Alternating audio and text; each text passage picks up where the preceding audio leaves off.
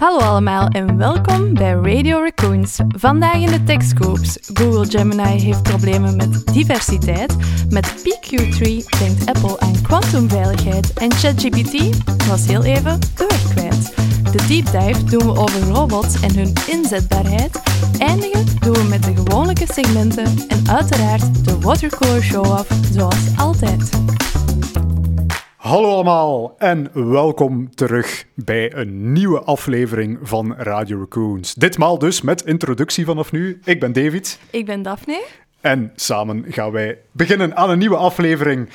Ja, en zoals altijd beginnen we weer met de Tech Scoops. En Yes. ik ga van start gaan met een reeksje Google-nieuws. Want Mhm. eh, Google is toch wel op een aantal hele interessante manieren in het nieuws gekomen eh, de voorbije twee weken. Het was Ja. eigenlijk het ene nieuwsbericht na het andere. Eh, ik, ja, de, de eerste vond ik eigenlijk zelf al de, de meest Sappige? Sappige, hilarische eh, ja, nieuwsbericht die ik in enige tijd al ben tegengekomen. Want Google is onder vuur gekomen omdat ze te divers zijn. Maak dat mee. Ja, maak dat mee. Je wilt dan eens je best doen en dan komt je nog eens onder vuur te liggen. Wat is er uiteindelijk gebeurd? Hè? Google heeft nu ehm, ook een, ja, met Gemini een model die eh, beelden kan gaan genereren. Hè? En eh, ja, ze hadden daar iets bij geprobeerd. Ja. Want die beeldgenererende AI-systemen, eh, we hebben er misschien al eens kort ergens over gesproken, ja, die hebben een probleem die eigenlijk alle AI-modellen hebben, en dat is namelijk het Ja. bias-probleem.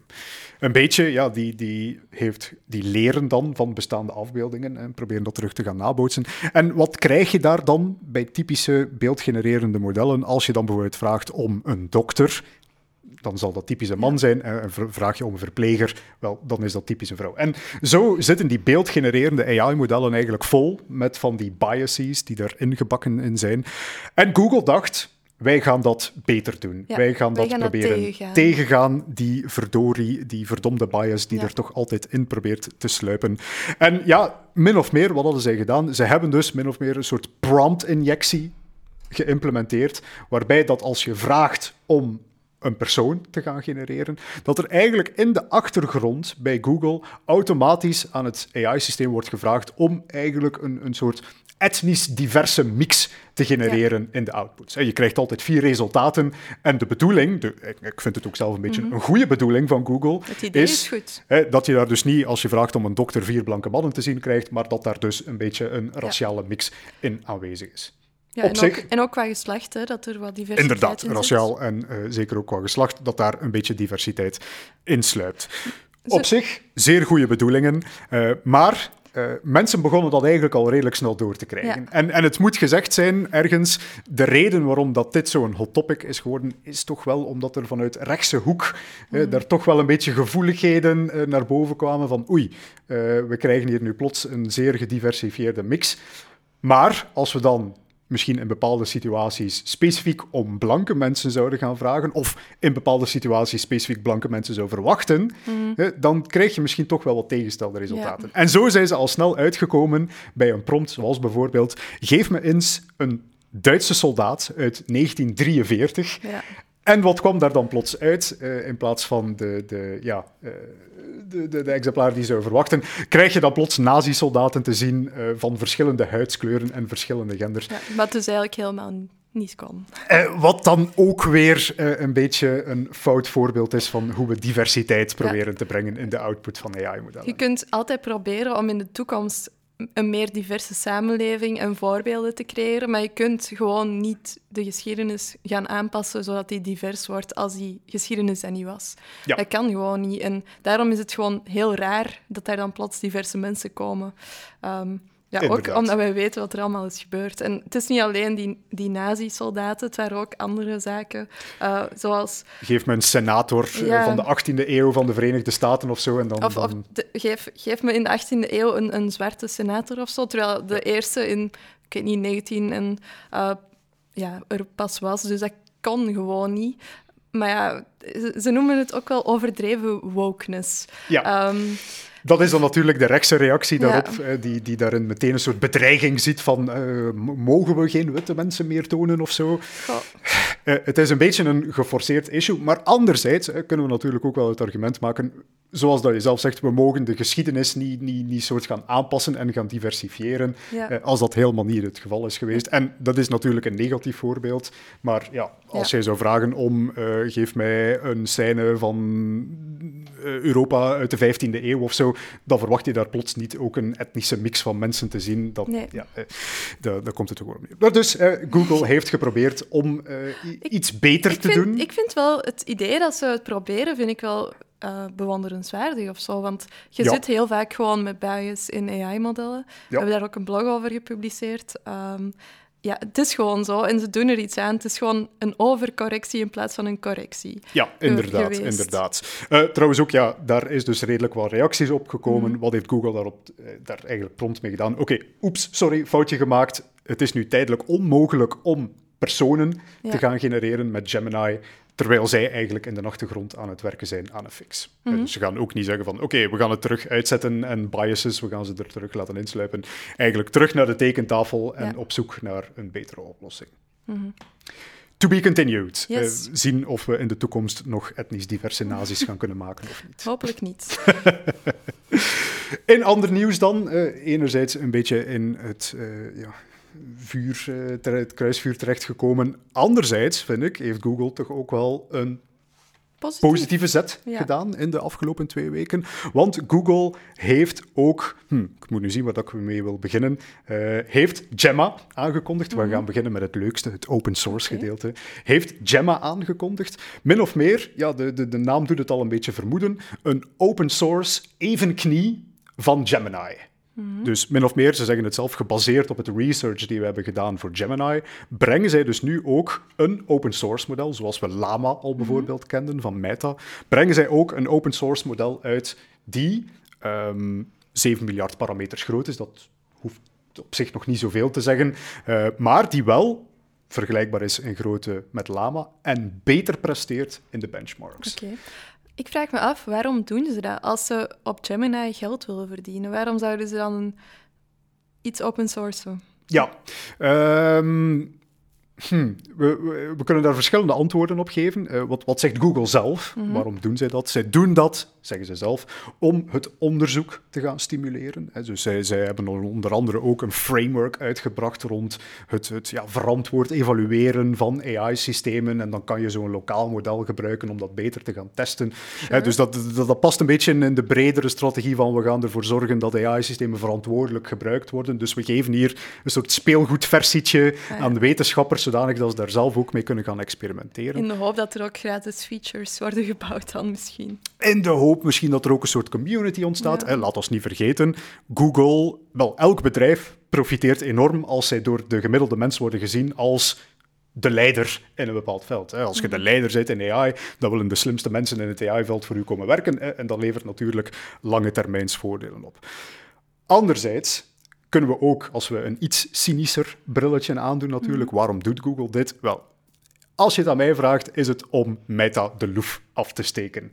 Waarom heeft Meta Llama 2 open source uitgebracht? Wel, omdat ze zagen dat ze niet kwalitatief konden winnen van wat er al was. De, de GPT's en de Gemini's die, er nu op, eh, die nu commercieel beschikbaar zijn. Dus wat hebben zij gezegd? Van kijk, hier is het gratis. Ja. En dat is dan eh, een soort eh, wrench in de, in de gears. Dat ze Oké. ertussen gooien van kijk, jij wilt daar geld mee verdienen. Wel kijk, wij brengen iets gratis uit. Haha, daar gaat je businessmodel. Dus eh, Google doet dat nu eigenlijk een beetje als antwoord op wat Meta gedaan heeft. Want er zijn ook al geruchten gaande dat het nieuwe Lama-model, we zaten aan Lama 2, Lama 3 zou er zogezegd aankomen, dat Lama 3 ergens in de stijger zit, dat zij dat ook weer open source gaan beschikbaar stellen. Dus dit is eigenlijk een beetje Google's antwoord om te zeggen van kijk, haha, wij hebben iets beter dan jou. Oké, dus wij zijn nog steeds de beste. dat ze degenen die open source eh, gebruiken, dat ze die ook kunnen binden aan zich. Maar dat ze ook de betalende gebruikers via Gemini kunnen binden, omdat dat nog altijd beter is dan de open source, als ik het goed begrijp. Inderdaad, hè, dus, dus dat de betalende gebruikers dan uiteindelijk nog steeds doorstromen naar, eh, naar wat ze eigenlijk willen, namelijk Ja. de betalende Gemini-modellen enerzijds. En ja, eh, er, er is veel te halen als, als nu bij engineers in hun hoofd zit van, ah ja, open source AI, wel, dat is Meta. Eh, die zijn daar Ja, nu de leiders in. Dat is ook zo. Dat kan Google niet hebben. Dat kan Google niet hebben. Dus daarom denk ik dat zij snel eventjes een, een open source speelgoedje uitbrengen, die dan nog eens toevallig Ja. net iets beter is dan hetgeen dat Meta uitgebracht heeft, om toch nog iedereen even op zijn plaats te stellen. Zij hebben trouwens ook... te disclaimen, dit is David zijn Dit is eh. David Opinie, eh, inderdaad. Ik heb geen inside sources bij Google. Eh, maar maar om, om dat punt nog extra te benadrukken trouwens, ze hebben dat niet zomaar... Ja, zo, hier is het model en, en zorg dan maar dat, het, dat je het zelf Ja. gedeployed krijgt enzovoort. Nee, ze hebben dat model uitgebracht meteen in een CPP-versie, een C++-versie die enorm ah draagbaar is, die dan heel snel kan ingebouwd worden in verschillende soorten applicaties. Ze hebben ehm, Colab notebooks uitgebracht, zodanig dat iedereen zelfs zonder eigen compute power zoiets kan opspinnen op de systemen van Google. Er is een knopje waarmee dat je dan rechtstreeks naar Vertex AI gaat, weer het betalende platform van Google. Dus ja, het zit heel mooi ingebakken, Ja. de pipeline van open source gratis materiaal naar betalende Google-systemen is gewoon over nagedacht. is inderdaad heel, heel vlot geregeld. Nu, dat is één aspect van het nieuws wat Google uitgebracht heeft. Het andere is dat Google eigenlijk ook een soort eh, open AI-move gedaan heeft, Oh. in de zin dat zij een half modelletje hebben uitgebracht. Een half, ah, een, Een half een modelletje. 3.5. Net zoals bijvoorbeeld OpenAI 3.5 heeft uitgebracht, of 4 Turbo, die eigenlijk ook een beetje als een 4,5 kan worden gezien, Ja. komt Google nu ook uit met Gemini 1.5. Ik vind dat altijd zo raar. Waarom doen die dat? Ook hier weer eh, veel, allee, op basis van de chatter die ik zo'n beetje zie op het internet, lijkt het ook hier weer een beetje het geval te zijn van Google anticipeert OpenAI, die, die binnenkort weer waarschijnlijk met iets nieuws zal komen. Dus gooien ze snel zelf nog iets in de arena om Ja. zo toch competitief te blijven. Ja, het is echt een competitie. Hè? De ene komt met een videomodel. ja, we zullen het daar, Daar later gaan we het straks over hebben. Ja, ja. Eh, ja, je voelt echt dat ze snel gaan. ja. Enorm snel. Ja. Zo snel dat ze gewoon niet meer kunnen tellen en gewoon een halfje erbij tellen. Of, eh. nee, ik vind... Is het dan gewoon een half, omdat het niet zoveel beter dan het origineel is, maar wel zo een beetje beter? Of, maar nog niet genoeg om een 2 te zijn? Of wa, wa- Ja, ik, ik wat is denk, de logica daarachter? ik denk dat de 2 nu al in de stijgers zit. Ja. En dat we daarbij echt kunnen spreken van een soort nieuwe architectuur, een nieuwe Ja. eh, manier van nieuw, modellen nieuw trainen, nieuw, nieuw. Eh, wat ze nu hebben gedaan Ja. met Gemini 1.5, en dat is ook een beetje op basis van wat ik lees op het internet, geen eh, officiële insights of zo, is Gemini 1 Mhm. is, wat ik lees op het internet, een beetje een rush job geweest. Dat is ook iets dat ze snel hebben uitgeduwd. Ja. Maar bijvoorbeeld, en nu gaan we eventjes heel technisch gaan, Mhm. maar bijvoorbeeld dat model Gemini is geen mixture of experts model, in tegenstelling tot Gemini. eh, dus Gemini 1 is geen mixture of experts model, zoals bijvoorbeeld GPT Mhm. dat is. Het is eigenlijk één groot model. Ja. Dat is makkelijker te trainen, maar het is minder efficiënt. Ja. Dus dat is, dat is min of meer opnieuw. geen officiële papers hiervan beschikbaar, maar op basis van wat dat mensen hiervan zeggen.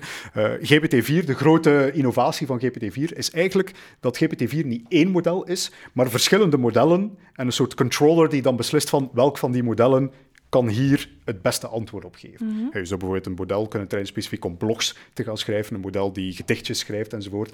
En zo, Ah, zo, ja, kan je ja. eigenlijk een systeem maken die eh, efficiënter kan getraind worden. Maar ja, het is wel moeilijker te tweaken, want je hebt verschillende soorten data nodig, die dan verschillende modellen, en dan heb je die controller Meer nog. werk. Het is conceptueel gecompliceerder om ineen te steken. Dus veel mensen zien in Gemini een soort snelle... eh, we hebben alle data die we hier hebben, we trainen één groot model en we duwen het naar buiten. Ja. Terwijl Gemini 1.5 is een soort iteratie daarop, die, Mhm. die een iets slimmere, eh, tussen quotes, eh, architectuur gebruikt Dus wel die een mixture. Die mixture of experts architectuur gebruikt. Maar wat is vooral ook het, het grote punt, en mixture of experts, dat is heel technisch, Mhm. daar, daar, daar keert normaal gezien niemand om. Behalve dan hè, mensen Behalve zoals jij. mezelf. Eh, maar wat is het echte grote nieuws? Wat is het grote selling point van Gemini 1.5? Is dat Gemini 1.5 een context size zou hebben van tot 1 miljoen tokens. Dus je zou er al een heel substantiële ja, collectie van data in kunnen steken. Inderdaad, kort samengevat, wat heb ik hier nu eigenlijk gezegd? Een token staat ongeveer, komt onge- ongeveer overeen met een woord. Een, hal, ja, een half woord, een woord. Een woord, een half woord. eh, het, het is een beetje afhankelijk van hoe je er naar kijkt. En dat is dus ja, eigenlijk min of meer, de tokens zijn de representatie van hoeveel data kan een large language model in zijn geheugen houden. Min of meer, als je praat tegen ChatGPT, dan ga je merken, hetgeen wat je er vlak voor hebt gezegd, dan kan die dat ook meenemen in zijn antwoord. Maar als je daar hele lange gesprekken mee zou voeren, ja, dan ga je merken, hetgeen wat ik eigenlijk in het begin heb gezegd, is die al totaal vergeten. Ja. Dus dat is nu een beetje wat we aan het doen zijn met die large language modellen, de context size aan het vergroten, zodanig dat daar ook meer data in kan meegenomen worden. Ja. Dat kunnen we ook wel op andere manieren doen. We kunnen dat inderdaad ook op andere manieren doen. Bijvoorbeeld RAG, Retrieval Augmented Generation, is een manier om te gaan zeggen van kijk, we gaan eigenlijk een hoop data in een database zetten en we gebruiken een soort AI-zoekmachine om daar de juiste stukjes data uit te gaan plukken en die mee te nemen in onze context. Ja. Dat is eigenlijk een soort ja, tussenoplossing, zou ik bijna durven zeggen, om met een beperkte context size toch wel grote hoeveelheden data in overweging te kunnen gaan nemen. Maar zou je niet zeggen dat dat specifieker data kan zoeken dan zo'n hele context size, alleen 1 miljoen tokens mee te geven? Ja, onderzoek van Google zou aantonen, want dat is inderdaad nog de grote vraag. Het is wel een, een soort gerichtere manier om Ja, specifieke dan, datapunten, RAG inderdaad, om specifieke datapunten in een database te gaan opzoeken Mhm. en te presenteren aan een AI-systeem. Maar Google onderzoek, w- allee, hun, hoe zij over Ja. hun eigen onderzoek praten natuurlijk, nog niet onafhankelijk geverifieerd. Zij plaatsen daar wel heel veel focus op het feit dat zelfs binnen die extreem grote context window zij nog steeds, hoe noemen ze het, needle in haystack pinpointing kunnen gaan doen. waarbij dat zij dus echt kunnen aantonen van kijk, in, in, in al die data gaat ons neuraal netwerk echt inzoomen op één bepaald stukje data zonder afgeleid te raken door al de rest. Nu, nadeel daarvan is wel dat je heel die dataset mee moet geven Ja. in uw conversatie. Is- Dus dat is niet de meest efficiënte manier van En is werken. dat ook niet enorm duur gewoon? Over de prijs wordt nog niet gesproken, want het hele verhaal, heel Gemini 1.5, is alleen nog maar in pre-access beschikbaar. Er is nog geen algemene toegang. Het is een selecte hoeveelheid mensen die het een beetje in alpha-modus kunnen gebruiken. Dus ja, we weten nog niets over hoe duur het inderdaad zal zijn. Typisch inderdaad betaal je wel per token die je stuurt naar zo'n AI-systeem. Dus als je bedenkt dat je iedere keer een miljoen tokens zou meesturen voor naar één een simpele cloud-systeem. vraag. Ja, dat lijkt me gewoon helemaal niet kostenefficiënt en ook niet zo efficiënt. Maar als zij zeggen... Allee, we zullen zien. Ja. We kunnen er nog niet over judgen totdat we alle info hebben, Ja, toch? inderdaad, inderdaad. Maar dat is dus alweer een nieuwe eh, ontwikkeling van Google. Extreem grote context size. Ehm, interessant. Ja. Interessant om te zien. We zullen zien wat dat brengt. Inderdaad. Oh. Ik heb veel nieuwsberichtjes naar elkaar heb ik gezien. Normaal gezien wisselen we, wisselen we Ja, wel maar het meer heeft af. allemaal met elkaar Het heeft allemaal met elkaar te maken natuurlijk. We zijn in generative AI-land. Want ehm, ja, eigenlijk, eigenlijk ik, ik, was, ik, was zo, ik ben blij begonnen eh, met het feit dat Google open source Ja, Gemma. eh, modellen Gemma begint beschikbaar te stellen. Maar tegelijkertijd is het ook triest Ja. voor mij. Want de grote kampioen van de open source large language modellen, en het was dan nog eens een Europees bedrijf, Mistral. Ik denk één of twee afleveringen geleden heb ik ze nog zitten bejubelen. Dat zou kunnen. We hebben zeker in onze laatste aflevering van vorig jaar in de liveshow het daarover gehad van hoe kunnen die rendabel blijven? Hoe kunnen die rendabel blijven? Wel, heb ik daar toen al als antwoord waren min of meer gegeven door sell-outs te worden. Wel, Mistral is de laatste in een lange lijn der open bedrijven die helaas Zijn ze eh, het grote geld geroken hebben. Want, eh, wat Maar is nu eigenlijk het TechScoop nieuwtje? Mistral, het Franse open source AI-bedrijf, heeft een overeenkomst gesloten met Microsoft. En die overeenkomst bepaalt dat zij hun nieuwste taalmodel, Mistral Large, exclusief beschikbaar zullen stellen. Nee, niet exclusief, maar exclusief beschikbaar zullen stellen via API. Onder andere op Azure. Eh, Daar gaat die hele samenwerking eh, met Microsoft over. Er komt veel meer integratie tussen de modellen die Mistral beschikbaar stelt en de infrastructuur van Microsoft, eh, waar dat je nu heel gemakkelijk modellen kan gaan inladen. Maar ja, het grote nieuws is dus dat in tegenstelling tot wat zij eerder claimden, van oh, al onze modellen zijn volledig open en, en de meest open mogelijke licenties die wij u kunnen gaan aanbieden, wel, Mistral, zal, Mistral Large zal alleen maar beschikbaar zijn via API. En alleen maar betalend dus. Ik stel me vragen. Zeg eens. Waarom koopt Micro of ja, koopt, investeert Microsoft daarin als ze al OpenAI-technologie hebben? Is dat gewoon om andere spelers in de markt ja, af te zetten van stop, stop? eh, Ik, eh, ja, eh, wel, dus stel u Microsoft voor, je hebt, twee je hebt oneindig veel geld. Hè, dus daar, daar kunnen we nu even van uitgaan. Je zegt Microsoft, je hebt oneindig veel geld. En er is een opstartend bedrijfje ergens in Europa, ver weg, ergens in de uithoeken, die plots met heel competente open source AI-modellen afkomt. Jij als Microsoft, die net enorm veel geld aan het scheppen zijt met uh, closed API access voor enorm competente taalmodellen, ja, je kunt dat toch alleen maar zien als een soort bedreiging voor je businessmodel. Dus wat doet Microsoft? Zij zijn enerzijds een beetje de mecenas die zegt van kijk, een opstartend AI-bedrijfje, wij gaan daarin investeren, wij gaan die helpen groeien, wij gaan die helpen om hun taalmodellen nog veel meer te kunnen schalen dan dat zij ervoor uh, ooit zouden kunnen gaan doen. En tegelijkertijd zorgt je ervoor dat die modellen op uw platform beschikbaar komen. En voilà, ja. uw concurrentie is op een hele vriendelijke manier niet weggewerkt, maar geabsorbeerd in uw eigen systemen. Gecannibaliseerd bijna. Gecannibaliseerd inderdaad op hun eigen, uh, op hun eigen platform. Ja. Dus ja, een trieste dag voor de open source Het is een trieste dag voor de open source wereld. Nu, wat ik trouwens wel interessant vond... Um, Mistral is niet exclusief, dus daarom moest ik mezelf even verbeteren, niet exclusief getrouwd met Microsoft, want je kunt hun nieuwste taalmodel ook op hun eigen platform gaan gebruiken. Dus ze hebben ook zelf een platform uitgebouwd. Ik voel een maar komen. nee, nee, nee. Uh, er, er, is geen maar. Ik vind het gewoon Moet enorm je hilarisch. betalen? Uh, je moet ervoor betalen. Ah, ja, voilà. ja, ja, natuurlijk. Ja, ja, ja, ja, je moet ervoor betalen. Dat, is, dat, dat zover is zeker. Ik wil gewoon nog even vermelden. Je merkt wel dat het een Frans bedrijf is. Want de naam van hun platform is La Plateforme. en daarnaast, naast het feit dat, dat, ze dus een platform hebben waar dat je via API hun, platform, eh, hun, hun taalmodel kunt gaan aanspreken, hebben ze ook een soort ChatGPT-equivalent uitgebracht. En dat noemt Le Chat.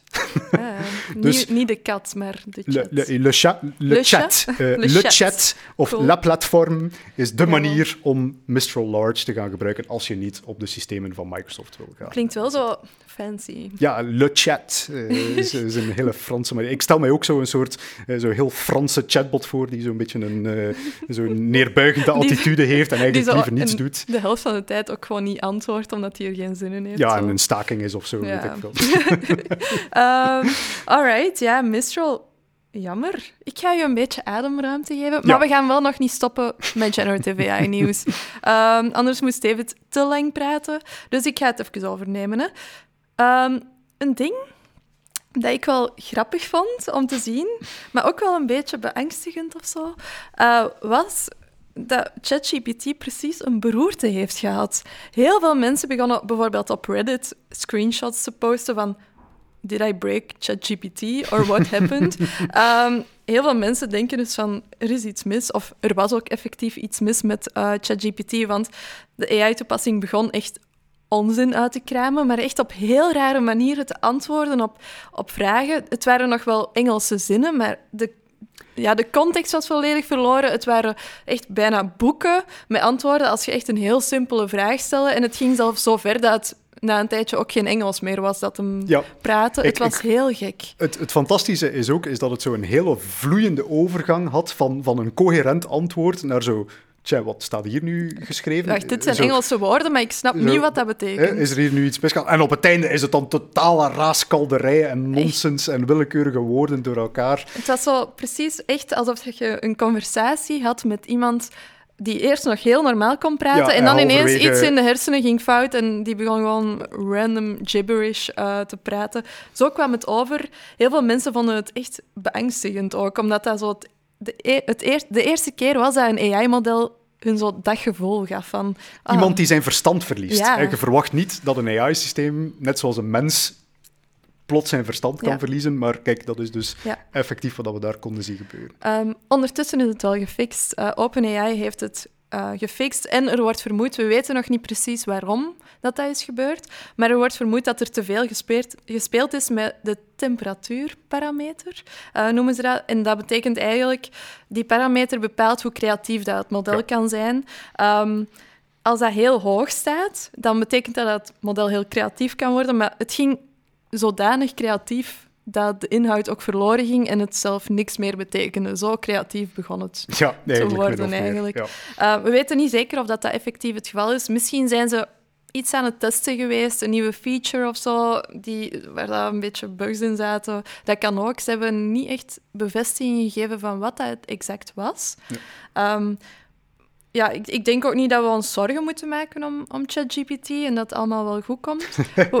Allee, ik denk niet dat we nu ineens... Is alles oké? Okay, heeft iemand al eens gebabbeld met ChatGPT om te zien of dat alles oké is daar? Alles oké na die beroerte. Nee, maar ik denk, ja, voor bedrijven is dat wel belangrijk om te kunnen vertrouwen op die large language models. Hè. Van, gaan die niet ineens uh, ja, onzin beginnen uitkramen als ik daar echt wel belangrijke vragen aan stel? Uh, als die, zoals bij die reg case bijvoorbeeld, echt in, in uw core uh, businessprocessen zitten, uh, geïntegreerd zijn, ja. ja, dan wilt je zo'n dingen natuurlijk niet. Dat is misschien wel een belangrijk stukje nuance dat we hier moeten plaatsen. En, en om ook eventjes het verschil aan te stippen tussen ChatGPT en GPT gebruiken, zoals je dat als bedrijf zou doen, via de API van OpenAI. Ja.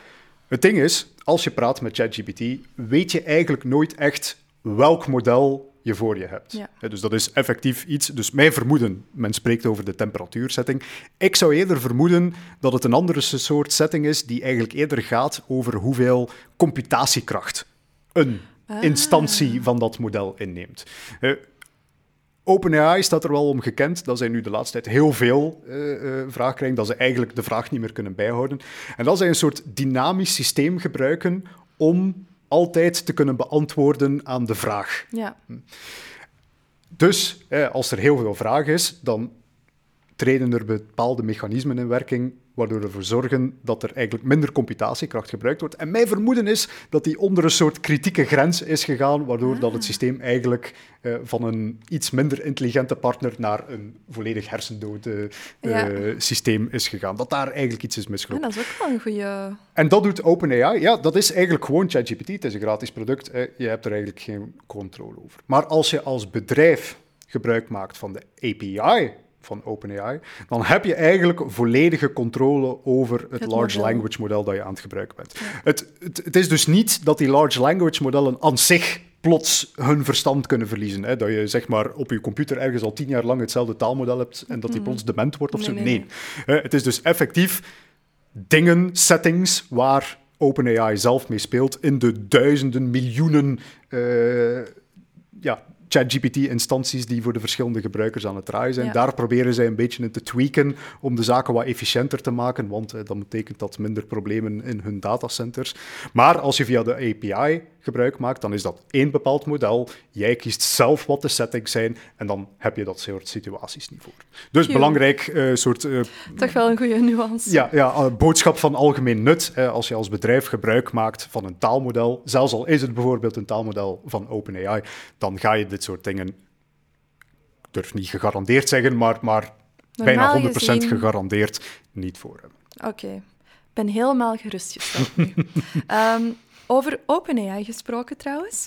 De dag na de opname, of twee dagen na de opname van de vorige aflevering, kwam OpenAI, ik denk, voor mij was dat toch het AI-nieuws van het jaar tot nu toe. Hm? Ze kwamen plots met Sora op de proppen en ik had echt zoiets van, potverdorie, David, dat we dit niet in de podcast op het moment van lancering hebben kunnen uh, plaatsen. Ja, nu is het al een beetje oud Het is al oud nieuws, het is al twee weken Maar oud. ik vond het nog altijd wel... Dat we, moeten, erover, we moeten erover babbelen. Voor de mensen die het misschien wel gemist hebben. Um, Sora is OpenAI's text-to-video AI-model dat echt met kop en schouders boven de concurrentie uitsteekt. Het is echt een ja, we hebben het zelf nog niet kunnen testen. Maar... Het is nog niet publiek beschikbaar. Het zijn mogelijk ja. cherry-pick demo's, eh, al de gebruikelijke disclaimers, maar... Maar het ziet er ongelooflijk goed uit. Hè? Ja. Ze kunnen echt complexe scènes gaan genereren. Ik denk zelfs tot op één minuut uh, dat de video's lang kunnen zijn. Ja. Wat tegenover de competitie echt lang is. Het is echt indrukwekkend. Je ziet echt dat dat model begrijpt hoe dat de wereld in elkaar zit. En ze zeggen zelf, oorzaak en gevolg, dat is nog moeilijk. Bijvoorbeeld dat je zou eten van een appel en dat er dan een stuk uit de appel is, dat snapt het model nog niet. Mhm. Maar het kan wel al zo, hoe dat mensen op de wereld zich verhouden, dat kan hem wel al heel goed begrijpen. Het is echt temporele consistentie is dan de, de, technische term voor. Dat is inderdaad, als we dat vergelijken bijvoorbeeld met Runway. Uh, runway is, de, allez, op basis, is nog steeds de leider op basis van wat je nu vandaag kan gebruiken in de praktijk. En dat genereert video's van 5 tot 15 seconden of zoiets. Ja, zoiets. Eh, zoiets. Echt heel kort. En daarbij mag je al blij zijn dat als er een persoon in de achtergrond staat, dat hij niet plots verdwijnt of, Ja. of morft in iets totaal anders, of, of plots dat alle verhoudingen scheef en schots gaan. De, de consistentie doorheen de tijd van de gegenereerde afbeeldingen, eh, elke frame van de gegenereerde frames, dat is op dit moment de grote uitdaging voor videogenererende AI-systemen. En Sorry, Ja, ergens- wel goed, hè? had ik daar zo wel... Hè, we, hebben, we hebben er ook onze voorspelling van gemaakt tijdens de live, dus wij, wij waren heel tevreden dat die voorspelling is, is, is uitgekomen. Dank u, Sora, hè, om dat te doen voor ons. Je hebt gewoon ik, geluisterd, TV. ik zelf had daar eigenlijk nog heel wat tussenstapjes in verwacht. hè, iets langere video's, iets meer consistentie.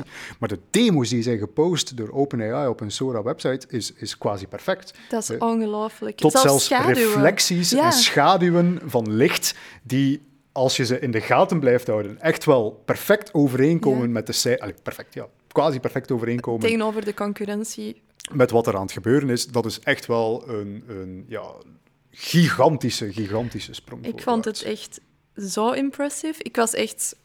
Ik, ja, ik kan het duizend keer zeggen, ik was echt impressed. Ja. Het is wel jammer dat nog niet beschikbaar is. Ik had het graag eens uitgetest. Het is nu enkel beschi- beschikbaar voor red teamers, noemen ze dat. Dat zijn een soort van hackers, testers, die gaan kijken van waar loopt het nog fout? Waar moeten we bijsturen? En ook bijvoorbeeld, het mag geen ehm, bekende mensen gaan eh, genereren Ja. of ja, questionable ethische, onethische zaken of zo mag ook niet. Dus we moeten nog allemaal scenario's gaan uitdenken van hier kunnen we niks voor genereren. Daar zijn ze nu mee bezig. Ehm, wat ik ook interessant wa- vond, was het eh, watermerk dat ze gaan toevoegen. Hm. Eh, dat gaan ze ook bij DALI-afbeeldingen, of dat doen ze ook al bij DALI-afbeeldingen, ehm, waar dat je kunt zien van deze video of afbeelding is AI-generated. Oké. Dat heet de C2PA. Zit in de metadata, eh, een soort van tag of zo. Ik, ik weet niet hoe dat technisch juist werkt, maar het is wel interessant dat ze daar ook al over nadenken. Ik, ik ben kritisch. Ik stel me, me toch vragen of dat, dat effectief gaat werken. Want als je bijvoorbeeld op bepaalde sociale mediaplatformen een video zet, dan wordt die metadata eraf gehaald. Dus dan is die tag al verdwenen. Ehm, dus ja, we zullen zien wat dat effectief, of dat, dat effectief gaat helpen bij het spotten van AI-generated video's. Ik hoop dat ze nog wel mijn, mijn manier komen om dat te kunnen flaggen of taggen of whatever. Want ja, er zitten toch ook wel ethische bemerkingen bij. Hè? Bij zo'n video-generatieplatform dat zo sterk is. En ja, dit is nog maar het begin en dat is het eerste wat OpenAI heeft getoond. Wat gaat er nog komen? Ehm, en dan een laatste bedenking. Uh, wij hadden iets gepost op onze sociale media van Raccoons over Sora.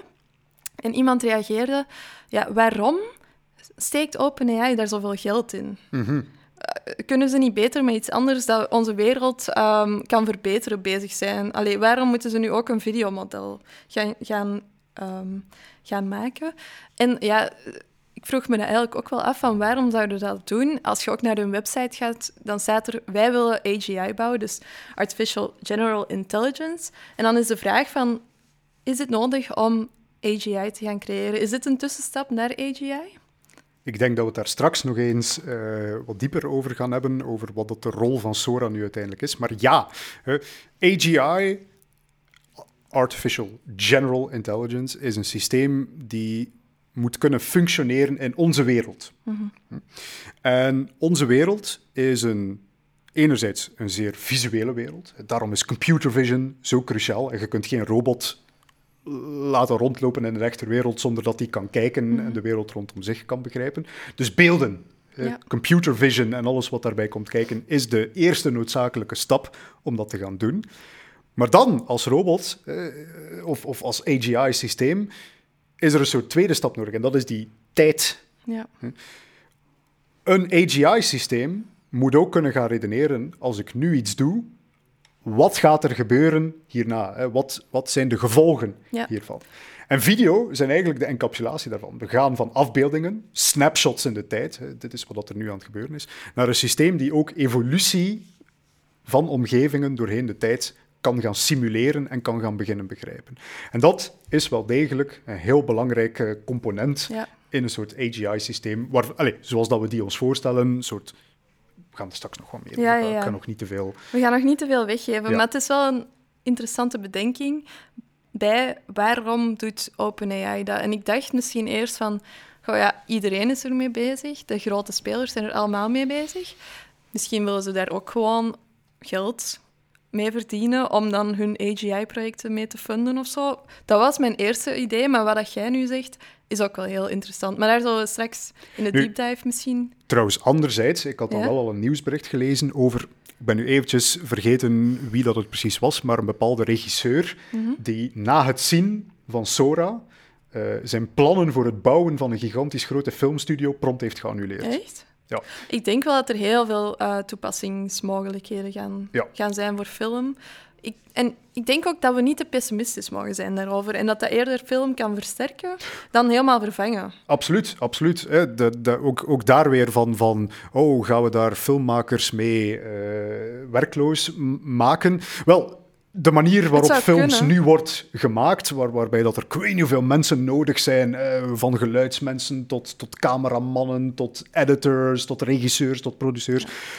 En gewoon Heel die industrie, ja, die wordt daardoor bedreigd. Maar met een tool zoals Sora, stel je voor, eh, twee, drie, vier, vijf generaties verder, gaat het net mogelijk worden voor één persoon, één creatief persoon, net uit de filmacademie, zeg maar, met een wild idee om een film te gaan maken, om van start tot einde een volledige film in elkaar te gaan boksen. Zonder daarvoor cameramannen te moeten inhuren, Ja. zonder daarvoor acteurs te moeten inhuren, et cetera, et cetera. Dus ja, ik zie dat niet als een soort fundamentele bedreiging, maar wel een soort shift in Ja. hoe Ja, en ik denk dat mensen nog altijd wel entertainment van mensen gaan nodig hebben, altijd. En dat het eerder een aanvulling dan een vervanging gaat zijn. Allee, denk, ik denk dat persoonlijk, maar we zullen zien wat de toekomst brengt. Ja. Ik heb het gevoel niet dat Sora alles gaat vervangen, maar het kan wel een hulpmiddel zijn. Ik moest onlangs, onlangs, ja, het is nu al enkele maanden geleden, op het Filmfestival van Gent ook eens komen praten juist. over generative AI en wat dat daar de invloed van was. En ook daar heb ik proberen duidelijk maken aan de mensen van, ja, kijk, als, het maakt niet uit wat uw rol is. Jij kunt vanuit uw eigen interesse, is het nu audio, is het nu eh, acteren en de juiste gezichtsmimieken inhouden, is het belichting, is het weet ik veel wat. Jij kunt vanuit uw expertise, met behulp van AI-tools, een Nog- eindproduct gaan maken. beter, je, je ja. hebt geen twintig mensen meer nodig om iets te gaan creëren. Het gaat net, de barrières gaan het verlagen om het te gaan doen. Dus ik verwacht meer creativiteit. Ik verwacht nog altijd de menselijke input die nog steeds belangrijk zal blijven. Maar ja, het is, het is, het is Ja. een tool die het voor mij allemaal veel toegankelijker zou moeten maken. Valt, Vraagtekens. vraagteken, valt te zien natuurlijk. Ja. Als alleen, als OpenAI plots zegt van we hebben een deal afgesloten met Warner Brothers en alleen zij mogen onze tool gebruiken en voilà, weg beste makers en Warner Brothers verdient nu miljoenen door aan de lopende band eh, blockbusterfilms te gaan maken. Dat is dan weer een, een soort andere toekomst waarin we kunnen gaan. Maar daarom blijft het belangrijk om te investeren in open source AI. Die gaat dat allemaal. Toch nog even een op. Mijn betoog voor open source AI blijft eh, staan. Misschien dat Google wel iets open source binnenkort. Het is dat, het is de dat. Lumière is eh, nog altijd niet beschikbaar, denk ik. Hè? Of wel ondertussen? Ik heb het alleszins nog niet kunnen proberen. Oké. Volgende tekstgroep? Ja. We zijn, We zijn door bijna. de generatieve AI-sfeer geraakt. En nu gaan we eens hele andere sferen bekennen. We gaan naar de maan, Daphne. En de maan heeft een probleem. Oei. En dat probleem is omvallende ruimtetuigen, Daphne. Oh, zo vervelend altijd. hè. Ik ben de laatste, ja, de laatste maanden eh, is het het ene nieuwsbericht na het andere. De ene maanlander na de andere die op weg is naar de maan en die daar hoopt een succesvolle landing te ondernemen en daar allerlei interessante missies te doen. Ook dit, ook deze afgelopen twee weken, ik denk dat het vorige week was nu, was Ja. het weer het geval. Deze keer een maanlander van een privaat bedrijf, wat op zich ook al eh, interessant nieuws is. hè, Ook al een beetje een, een scoop. Eh, de Odysseus van het bedrijf Intuitive Machines Ja, is coole naam. Ja, eh, het is een beetje een ongelukkig gekozen naam, want ik had het Oei. dan ook op het internet gezien. Eh, als je één naam niet wil kiezen voor eh, een, een soort Mhm. dan is het wel de Odysseus, namelijk het schip die eh 40 jaar lang Ah, rondgezwerfd heeft. Ik had het over Intuitive Mach- Machines. Ah, Intuitive Machines is wel een leuke naam natuurlijk. Ja. Maar de naam van het ruimtetuig, de Odysseus, het, het schip die 40 jaar lang rondgezwerfd heeft en, Ja, en ja. eigenlijk eh, pas, pas ja, na, na vele ideaal. jaren op zijn bestemming is aangekomen, na heel veel ongeluk tegen te komen. Dat, dat is misschien een ongelukkig gekozen naam. Ja, dat misschien wel. Maar hun bedrijfsnaam is goed. De Intuitive Machines, het is wel leuk inderdaad, die die wouden, dus die hebben een lander gebouwd om te landen op Ja. de maan. Dat is ook in het nieuws geweest, in het journaal. Is, dat een Amerikaans bedrijf? of- het is een Amerikaans bedrijf en het is ook gelanceerd door je goede vriend Elon Musk en zijn SpaceX. Oh, hij is er eh, toch nog bij dan. we hebben er toch hem even ertussen gestoken. Dus gelanceerd met de Falcon eh 9-raket. Geland op de maan, maar net zoals de vorige keer, net zoals de Japanse maanlander, is die op zijn Zij. zij beland. En de parallellen gaan nog verder, want net zoals eh, de Japanse maanlander is Intuitive Machines nog steeds tevreden over het resultaat van hun missie, want het was bijna helemaal niks geweest. Want wat blijkt, eh, enkele uren voor de landing hebben zij ontdekt dat er een fysieke veiligheidspin niet verwijderd was uit de machine.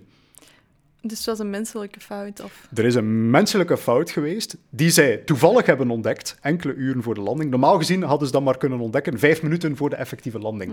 Maar ze waren een ander probleem aan troubleshooten en dan hadden ze ineens door van, oh, wacht, er is een probleem. De rangefinder, heel belangrijk apparaat, want dat is het apparaat die bepaalt van hoe ver ben jij nog van de grond. Daar zat dus effectief een soort, net zoals in een wapen, dat je de veiligheid hebt, een fysieke pin in die het apparaat ja, uitzet, tot als die pin verwijderd wordt. Die pin is niet verwijderd geweest. Dus hebben ze last minute nog een onbewezen fix moeten doorvoeren om zonder die rangefinder te kunnen landen. Wow. Dat is op zich wel al indrukwekkend als ze daar alsnog zijn in geslaagd. Maar het nadeel is wel, enkele, ja, enkele seconden voor de landing is het systeem toch zijn stabiliteit verloren en is hem op zijn zij terechtgekomen. Je toch. Ik, ja, het is effectief een probleem op de maan, blijkbaar, dat we onze maanlanders niet rechtop kunnen krijgen. Gelukkig dat dat met de Apollo-missie niet is gebeurd, dat ze op hun zij waren beland, of ze lagen daar Ja, nog altijd. Ik, ik dacht dat het probleem de maan was. Het, eh, Maar het zijn de bedrijven nog altijd eh, wel. het, het, het zijn de landers die wel degelijk het probleem zijn. Ja, de maan is gewoon moeilijk om op te landen, Ja, dat, is, ja. dat is dan het probleem van de maan. Maar ja, kijk, ehm, Ja, om een of andere reden raken we maar niet? recht op de maan geland. Wanneer denk je dat de volgende is recht gaat landen?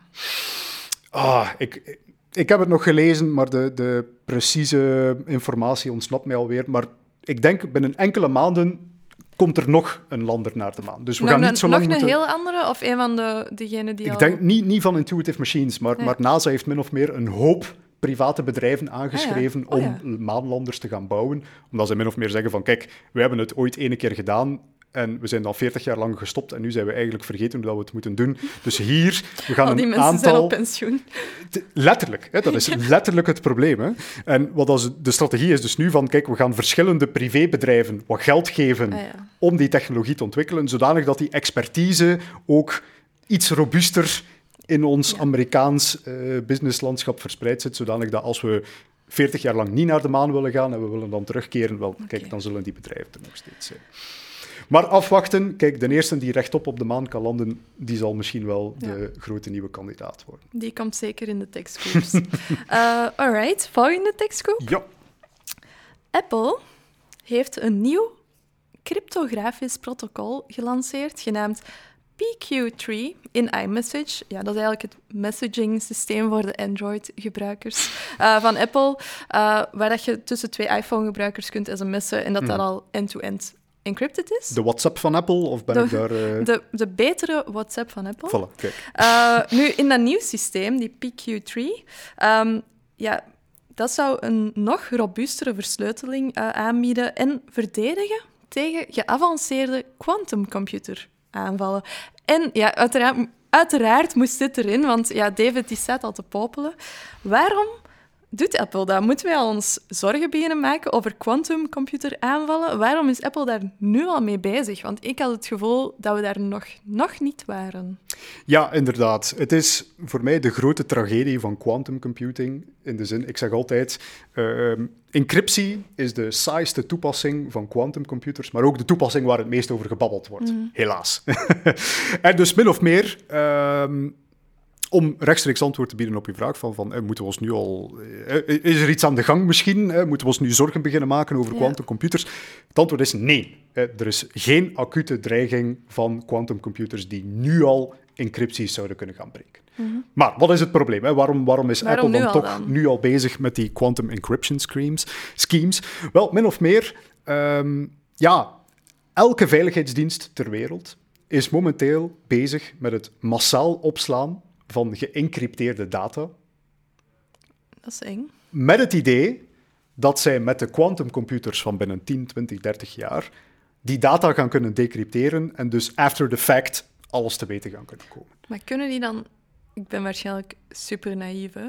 Kunnen die dan nu al sms'en en zo in iMessage bijvoorbeeld opslaan? Of eh, hebben die daar toegang Ja, tot? dus die kunnen de geëncrypteerde berichten vlot onderscheppen, dat is geen enkel Ah probleem. ja, maar ze kunnen het nog niet... eh, Uitlezen. ja, Ja, dus de uitlezen omdat berichten Apple zijn- de keys niet geeft. Ja, inderdaad. Dus de berichten zijn geëncrypteerd. Niemand kan daaraan met de huidige supercomputers eh, om die decrypties te gaan breken. Maar, dus dat is min of meer le- letterlijk een soort, eh, hoe je dat zeggen, een, een manier van werken bij die veiligheidsdiensten. Store now, decrypt later. Mhm. Zij denken min of meer van, oké, we kunnen er nu nog niet aan, maar wat gaan we doen? We gaan het allemaal opslaan. En een keer dat we die quantumcomputers hebben, dan gaan we, dan gaan we een keer lezen gaan wat we er allemaal zien in wat die dat berichtjes iedereen staat. heeft gezegd. Ja, inderdaad. Dus eh, om dat tegen te gaan, om dat scenario te gaan vermijden, zijn eigenlijk alle grote bedrijven nu al bezig met het nadenken over Ah, hoe gaan we naar het post-quantum encryptietijdperk. Ja. PQ, Want je hebt al Signal bijvoorbeeld, die dat al aanboden. als ik het Ja, niet... inderdaad. Signal ehm, is onlangs dan ook in het nieuws gekomen, in het iets technischere nieuws natuurlijk, Mhm. eh, over het feit dat zij ook een post-quantum encryption algoritme ontwikkeld hebben. Dat gaat dan over lattice-based cryptography voor de echte security We nerds. zijn me kwijt. Mijn excuses. Eh, maar dus min of meer ja, een soort nieuwe wiskundige techniek om aan encryptie te gaan doen die niet gevoelig is aan het Shor-algoritme Ja. die we kennen in de quantum computing wereld, die dus primfactorisatie eh, kan sneller uitvoeren dan Ja, een klassieke computer. Dus post-quantum encryptie-algoritmes die werken eigenlijk op een soort ander algoritme die daar niet aan gevoelig zijn. Mhm. Nu, ehm, Apple zelf eh, bejubelt natuurlijk hun eigen implementatie van dat eh, post-quantum encryption systeem. Zij zeggen, ehm, Signal, zij zitten voor ons op niveau 2, Op de schaal die ze zelf hebben uitgevonden. een schaal die zij volledig zelf hebben bepaald. Ook al, ik heb hun argumentatie gelezen en ik kan wel snappen dat daar een zekere redenering in zit. Wat zeggen zij min of meer? Signal is level 2. Zij hebben een post-quantum encryption scheme, maar zij gebruiken het maar één keer. Ene keer als de keys verdeeld worden, hè, dus dat is min of meer de sleutel waarmee dat je je berichten Ja. omzet van leesbaar naar geëncrypteerd en terug. Eh, Ene keer als die keys verdeeld worden, dan gebruiken wij een quantum encryption scheme. Maar daarna blijft dat eigenlijk dezelfde sleutel. Wat zegt Apple dan? Van oké, goed, eh, die, die key kan misschien niet zomaar efficiënt gebroken worden door een quantumcomputer. Maar eens dat ze dan toch, zelfs met klassieke brute forcing bijvoorbeeld, door uw encryptie zouden geraken, wel, dan kunnen ze al uw berichten lezen. Wat wij doen, is wij gaan nog een stapje verder. Wij gaan ook de rekeying, dus eigenlijk min of meer uw sleutels verversen, ook dat is bij ons volledig quantum-proof geïmplementeerd. En dus zijn wij nog een veiligheidstrapje hoger dan. Signal. En Signal, voor de mensen die het niet zouden kennen, Signal staat echt wel gekend als de betrouwbare...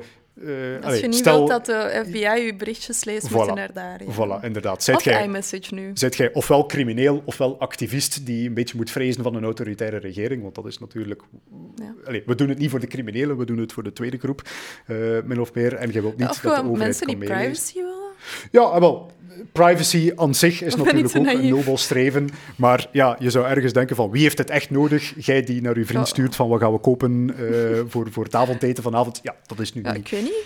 Dat zijn toch uw zaken? Allee, hun zaken niet? Absoluut, absoluut. Wat ik vanavond ga eten.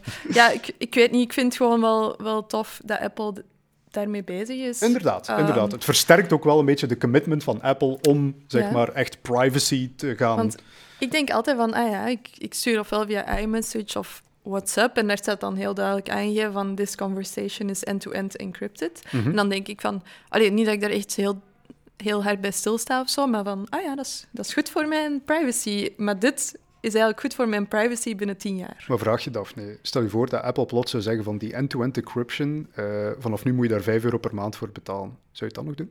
Nee. Enough said. Zo. Maar ik, ik ben ook, ja, ik ben geen crimineel en geen activist, dus ja. Oeh, en, en waar, waar, FBI, waar was je dan... moet echt niet bij mijn berichtjes komen En kijken. privacy aan zich is toch ook belangrijk? Dat is u geen 5 euro per Ja. maand waard, Daphne? 5 euro per maand. Op een jaarbasis is dat al veel. En dan heel je leven lang betalen. Ja. Mm, zou jij ervoor betalen? Eh, kijk, ja, ik hecht waarde aan mijn privacy. Ja, ja, ja, helemaal, Ja. helemaal zeker. Niet dus. Goed, eh, voor de mensen die daar wel mee in zitten, Apple, iPhone iMessage, kopen. ja. En dan, eh, ja, En dan ben je zeker dat ook binnen 20 jaar de FBI niet zal kunnen lezen wat je voor het avondeten wilt. Ja. Voilà, inderdaad. En dan een, een laatste nieuwtje. Voor, ik denk, een van de eerste keren een lokaal nieuwtje. Want in het distributiecentrum van de IKEA in Genk ehm, staan zelfsturende drones voortaan medewerkers bij met geautomatiseerde voorraadcontroles. En het is een primeur, want het is de eerste vestiging van IKEA waar dat dan ook die drones worden ingezet wanneer dat er personeel aanwezig is op de vloer. Ehm, en dat, is, dat vind ik toch wel een primeur voor ons Ja. landje. Eh, ze willen het ook wereldwijd gaan in- invoeren. En wat ik wel cool vond, is dat het echt ehm, anoniem is voor de medewerkers. Het is niet om te gaan kijken van, werken onze medewerkers wel? Dat gaat zelf niet. Want je kunt er is maar één camera op die drone en die kan enkel vooruit kijken. Dus stel dat een medewerker daarnaar zou kijken en die ziet dat die camera op hem gericht staat, dan weet hij direct van, ah, ik word bekeken. En dat, allee, dat Ah ja, gaat dus ja, ja, dus het is echt heel doorzichtig van... Je weet wanneer dat je gefilmd wordt en het is niet de bedoeling. Ja. Ehm, Anderzijds, ik heb wel het filmpje gezien en zo werken in een warenhuis waar dan zo de hele tijd van die ja, dat is drones een- rondvliegen. Dat is, een, dat is een ander verhaal. dat is misschien nog een, een ander aspect als we eens moeten Ja, onderzoeken. Maar het is wel zot, want ik denk, als ik het juist heb gelezen, eh, dat het 38.000 eh, paletten per week zou inventariseren. Ja. Wat dus echt wel eh, een tijdswinst zou zijn voor IKEA. Dus ja, zeker eens naar het filmpje gaan kijken om te weten hoe irritant het is. En eh, we hebben deze tekstkoop er natuurlijk niet zomaar ingestoken, want het sluit naadloos aan bij onze deep dive over robotica. Robots. Ik zie, ik zie ze steeds vaker terugkomen in het nieuws, eh, zowel bij bedrijven, zoals ik net, net al zei, een drone is een soort van robot eh, die bij IKEA te werk gesteld wordt, maar ook ja, in ons dagelijks leven. Ik heb het ehm, in de aflevering over de Consumer Electronics Show nog gezegd, is Bali misschien de volgende? Volgens u niet, want het heeft geen armpjes die de afwas kunnen doen. Dus ja, we zien het steeds vaker terugkomen, Ja. maar ik heb het, het gevoel dat er iets mist. Waar, waar zitten we nu eigenlijk Waar met die zitten we robots? nu met die robots? Zijn we er bijna of, of niet? Of wat moet er nog gebeuren om effectief David te overtuigen om een robot bij hem thuis in huis te nemen? Het is een van de, de grote ontnuchteringen geweest in mijn carrière, Daphne. Toen ik dacht dat ik met AI ging beginnen, ga ik eerlijk zijn, in mijn hoofd dacht ik, net zoals het exemplaar hier naast mij, Voor degenen die kijken. de pepper inderdaad voor de YouTube-kijkers. Ehm, ik dacht dus echt van, ja, AI... Ja, dat is onlosmakelijk met elkaar verbonden. Ik ga met robots bezig zijn. Ik, ik ga... eh, Dat is ook wel zo geweest. de- En, en letterlijk, ja, ik ben ook mijn carrière begonnen met het programmeren van... Dus ik heb, ik heb, eh, ik heb mijn zin gekregen, bij Ja. wijze van spreken. Maar ja, al snel is uitgedraaid. Vandaag de dag, als mensen mij vragen van... AI en robots, is dat eigenlijk hetzelfde? Dan, dan ga ik een soort eh, ho- hoogdravende houding aannemen. Zo. Natuurlijk niet, eh, beste persoon. En als we misschien teruggaan ook naar, naar het begin van mijn carrière toen het ging over AI. De, minstens de helft van mijn presentatie ging over het verschil tussen een robot en AI. Ja. Omdat die dingen zeker vijf tot tien jaar geleden nog onlosmakelijk met elkaar verbonden zijn. ja. Toen zei ik ook, ja, die robots, het idee is er wel al, de hardware is er ook wel al. Hè. We, hebben al Mhm. fysieke apparaten die er best goed robotachtig uitzien. Maar de software, die is eigenlijk nog niet echt beschikbaar. Hè. Waarom hebben we nog geen afwasrobot? Wel, dat is omdat we misschien al een perfect een systeem kunnen maken die alle nodige hardware heeft om te gaan afwassen. Twee armpjes en een zuignapje en, en Mhm. een handdoekje of zo, hè, weet ik veel. En een sprayertje om, om de afwas te gaan doen. The dream. De, de- opnieuw, ik ben erdoor bezeten. Ik droom er s'nachts van, hè, van die afwasrobot. Eh, de hardware, die is er al. Maar, maar de software die zo'n systeem in staat stelt om effectief eh, in mijn keuken te staan en daar al mijn afwas te identificeren en die goed vast te grijpen, die is er eigenlijk nog niet. Ja. Nu, intussen zijn we al vijf jaar verder, zeven jaar ondertussen al, het is al bijna tien jaar, ik begin oud te worden, Daphne. Eh, zijn we zeven jaar verder. En vandaag de dag denk ik dat iedereen wel al een goed beeld heeft van, ja, AI, dat is niet hetzelfde als een robot. Want als we vandaag de dag over AI spreken, komen daar eigenlijk quasi nooit meer robots bij te kijken. Nee. We spreken over machine learning, hè, we spreken over computer vision algoritmes, we spreken over large language models. Al die dingen werken op een computer zonder dat daar ooit een of ander schattig robotje bij komt kijken. Maar nu komt het. Maar nu komt het dus inderdaad. Omgekeerd kunnen we een robot niet zonder AI zien. Inderdaad. Hè? Dus het zou bijna lijken alsof dat we gezegd hebben van, oh, weet je wat, dat robot-idee, veel te ingewikkeld. We gaan andere dingen doen en we gaan dat AI gaan noemen. En, en die robots, eh, het is Ja. te moeilijk, we, we beginnen er niet meer aan. Maar het betoog dat ik ergens wil gaan maken, is dat eigenlijk alle vooruitgang die we nu aan het maken zijn op het vlak van machine learning, op het vlak van generative AI, dat die eigenlijk de noodzakelijke bouwstenen zijn om die robots te laten werken in de nabije toekomst. Dus als we het daar juist over Sora hadden en waarom zou OpenAI dat gaan ontwikkelen voor hun AGI, Ja, ehm, zou dat ook wel een stap kunnen zijn in het ontwikkelen van robots die effectief de wereld kunnen goed gaan waarnemen. Inderdaad. Dus la, laat ons eens teruggrijpen naar die Sora en laat ons ook het, het best mogelijke scenario voorstellen voor een robot. De afwas doen, hè, inderdaad. Wat moet zo'n robot eigenlijk kunnen om die afwas succesvol te gaan uitvoeren? En ik denk... Laat ons nu nog niet nadenken over Sora. We gaan een paar jaartjes terug in de tijd. We denken aan computer vision, Ja. een afbeelding. Het eerste wat die robot al moet kunnen doen, is eigenlijk ja, zijn camera gaan gebruiken om te zien ik maak een foto. Waar is afwas? Eh, waar is de hond dat ik hem niet per ongeluk in de afwasmachine steek? Dat mogen alleen maar borden en glazen zijn. En liefst ook vuile borden en glazen. En vuile borden en glazen, dat, Dat je niet drie keer dezelfde alles terug doet. in- insteekt. Dus het eerste wat zo'n systeem nodig heeft, is, is ja, goede computer vision. Ja. Eh, Een goed begrip van, als ik hier een foto heb, dit is wat er aanwezig is, daar staan die objecten in die ruimte, dat soort objecten zijn dat, die eigenschappen heeft dat object, enzovoort enzovoort. Ja. Dus dit, check, computer vision doet dat eigenlijk min of meer vandaag al. Kunnen we het toch al... kunnen we vandaag al doen. Eh, Ja. Er zijn eh, image segmentation models bijvoorbeeld en eh, object detection models die eigenlijk al duizenden, honderdduizenden objecten, verschillende soorten objecten kunnen herkennen en die dat dan mooi kunnen aangeven Ja. op een afbeelding. Oké, Check. computer vision hebben we al. Waar blijven de robots? Hè? Waarom is die robot nog altijd mijn afwas niet aan het doen? Wel, de volgende stap, en nu zijn we terechtgekomen bij, bij Sora echt, is, ja, die robots die leven niet in een soort stilstaande wereld. Eh, Dus die kunnen wel een afbeelding nemen en dan alles goed herkennen.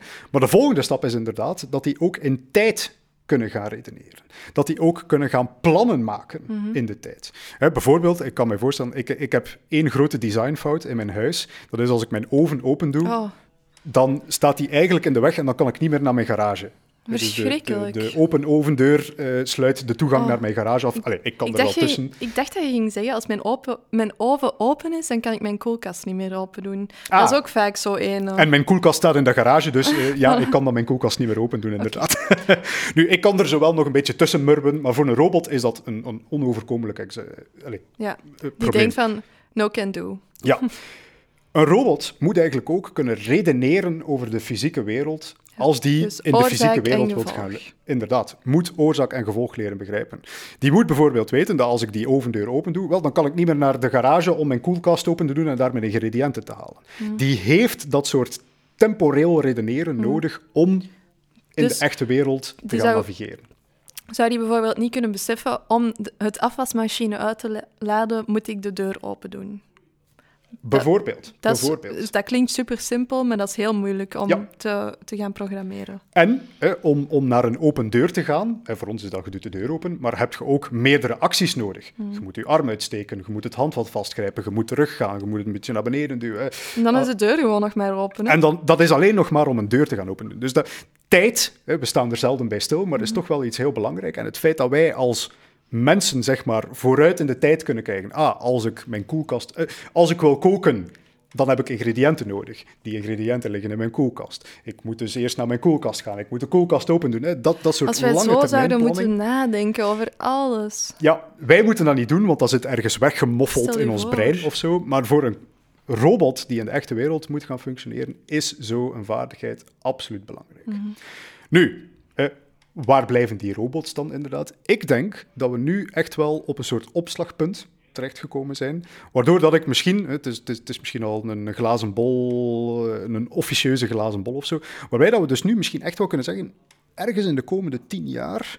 Nog altijd tien ja, jaar. tien jaar, het is een gemakkelijke, hè, ik weet het. Hè, maar dat we ergens in de komende, we gaan vijf jaar zeggen, echt wel kunnen hopen op software die exact doet Ja. wat er nodig is om een robot te laten functioneren. En Sora zou daar een tussenstap voor zijn. Ja, want wat doen wij als mensen? Wij mensen, wij bouwen ervaring op in de echte wereld. Ja. Eh, wij, wij lopen rond en als kleine mannetjes vallen we een keer op ons gezicht en dan leren we van oei, niet te rap stappen en oei, Ja. eh, toch iets stabieler blijven enzovoort enzovoort. Nu, met robots gaan we dat niet zomaar kunnen doen. Eh, en robots leren ook trager dan wij mensen. Eh, Ze leren niet van één voorbeeld, maar van miljoenen voorbeelden. Dus een van de manieren waarop dat we die robots gaan trainen om te functioneren in de echte wereld, is door ze eerst te laten trainen in een virtuele wereld. Ja. En Door ze scenario's te geven. we geven ze scenario's, we geven ze realistische 3D-omgevingen. En dan wat we eigenlijk gaan vragen van het neurale netwerk die verantwoordelijk is voor het aansturen van die robot, is om te gaan zeggen van oké, voer bepaalde taken uit en probeer een soort interne planning te maken van welke subtaken je moet uitvoeren om tot een bepaald resultaat te geraken. Ja. En dus wat dat we nu zien bij Sora, hè, Sora die zeg maar video's droomt of zo, hè, die, die video's gaat produceren, dat zou eigenlijk zeg maar het soort interne denkproces kunnen worden van een robot die aan het bedenken is van ja, hoe, hoe ga ik dat nu eigenlijk doen, die een afwas? Ah ja, ik moet eerst eh, de, alle borden verzamelen enzovoort enzovoort.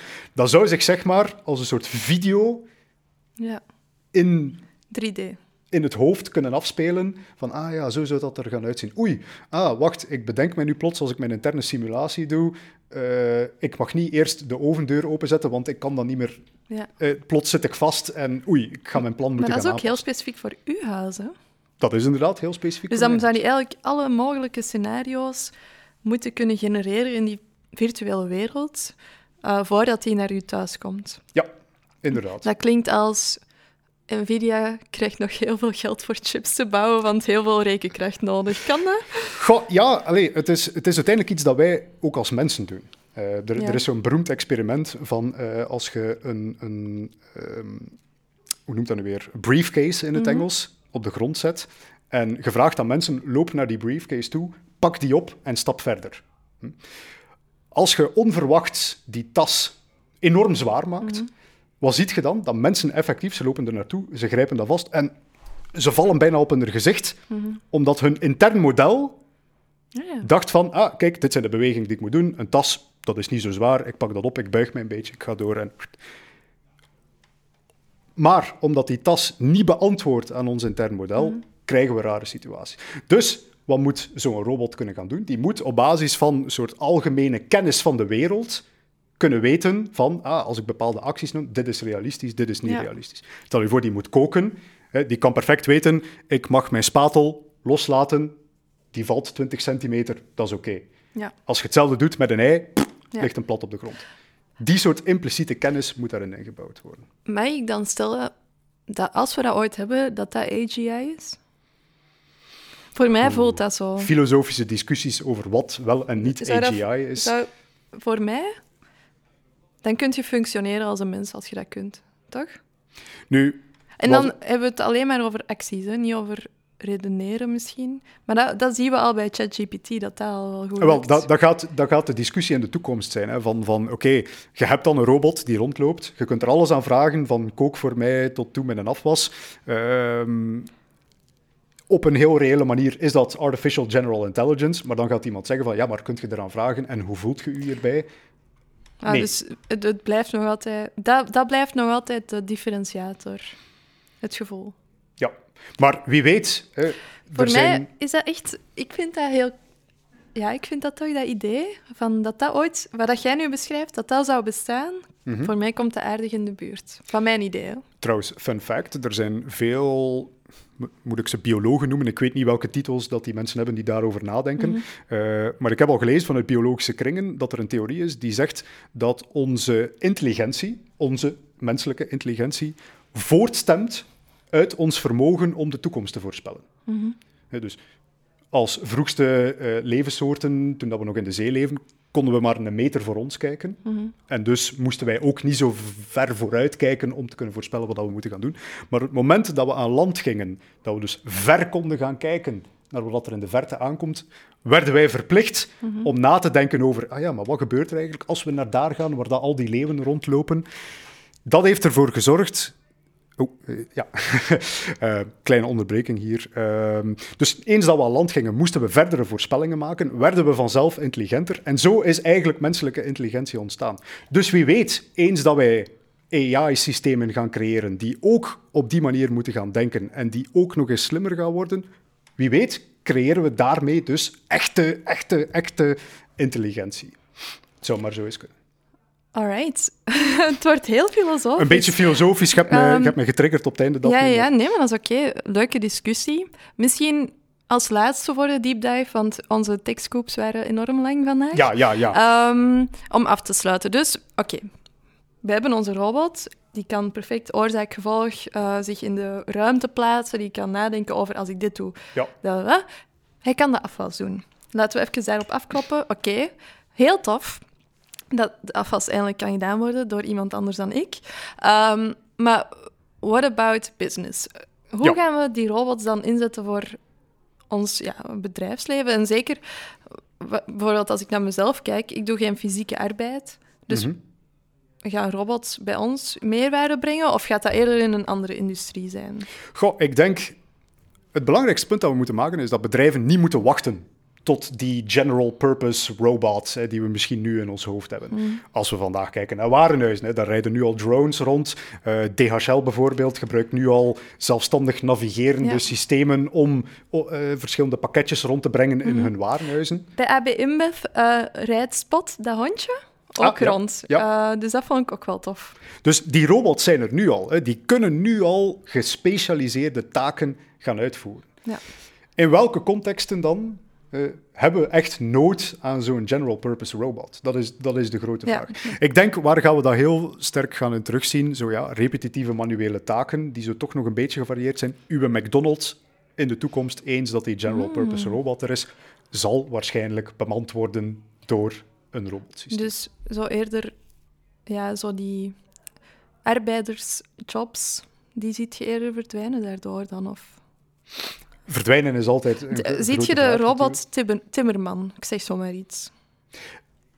dit zou een ja, test kunnen zijn. Al- Als we echt spreken over een general purpose robot, dan zou dat ook een timmerman kunnen zijn, inderdaad.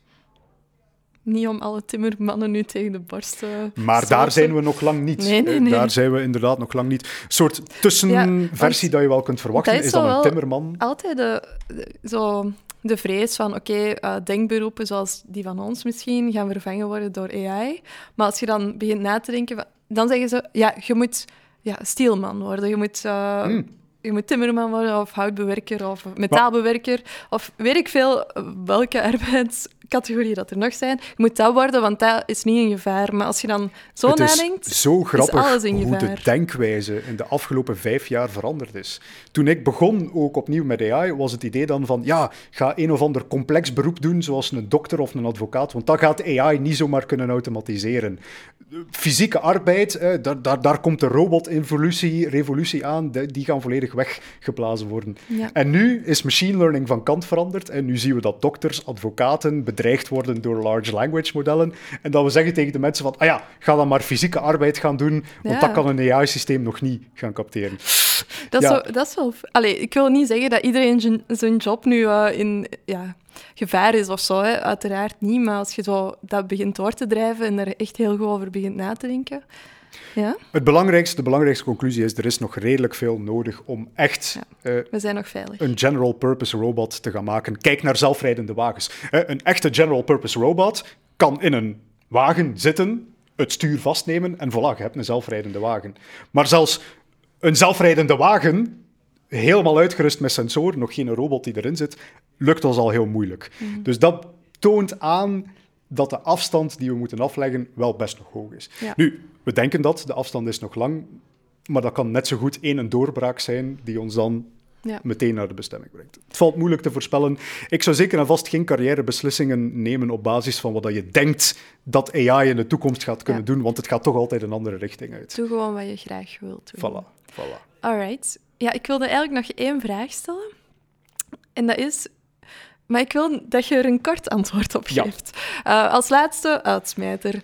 Heeft de General Purpose Robot het potentieel om een Terminator te worden? Om Nee. te- zich tegen ons te keren? Nee, ik zie veel meer eh, Terminator-dreiging in een soort disembodied, is daar het Engels woord voor? Een AI-systeem zonder lichaam. Zonder lichaam, ja. Eh, een, een Google Cloud-model. Daar eh, verwacht ik veel meer dreiging van dan een AI-modelletje die we in een robotlichaam stoppen. Nu ben ik benieuwd waarom. Ja, omdat Of heb je daar, is dat een gevoel? je kunt veel meer schade inrichten met toegang tot het internet. ja. Eh, de- je kunt virussen gaan gebruiken om volledige stroomnetwerken plat te leggen. Een, een robot met een geweer in zijn handen is gevaarlijk, begrijp me niet verkeerd, maar ik, al- als ik ergens mijn geld op een doemscenario zou moeten inzetten, dan is het eerder een soort eh, Google Cloud AI goes mad rather than Ja. Terminator scenario. Oké. Alright. Tijd om naar uw glazen bal te gaan kijken. Yes! We hebben al veel naar de toekomst gekeken in onze deep dive eigenlijk. Maar nu vraag ik me toch wel af, heb je een officiële glazen bal vandaag? Ja, ja, inderdaad. De, de officiële zijn nog altijd Ja. ietske, ietske spannender. Mijn voorspelling is ergens in de komende vijf jaar de dood van de ondertitel. Alright. Oftewel, de Fransozen zullen uiteindelijk toch gelijk krijgen. Met hun dubbing of wat?